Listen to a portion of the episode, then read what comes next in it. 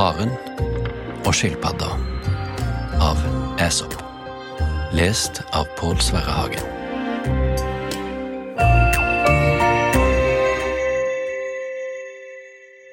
Det var en gang en hare som alltid skrøt av at han var så flink til å springe. Det er ingen i hele skogen som kan springe så fort som meg, sa haren til alle og spankulerte fram og tilbake, sprekkferdig av stolthet. Hvem vil springe om kapp med meg? De andre dyra var trøtte av å høre på skrytet hans, men ingen av de tørte å springe om kapp med han. Da sa plutselig den stillfarende skilpadda. Jeg kan springe om kapp med deg. Haren begynte å le, og alle de andre dyra så forskrekka på skilpadda, for alle visste at han var den dårligste til å springe av alle sammen. Haren lo. Det er en god spøk, jeg kan slå deg nesten uten å prøve.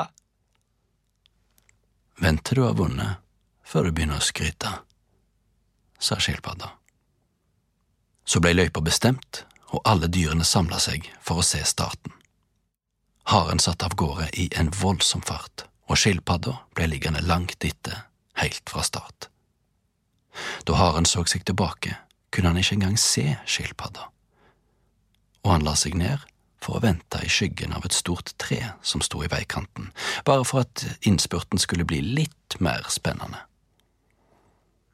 Men han ble søvnig av å vente og han bestemte seg for å ta en liten lur på to minutter.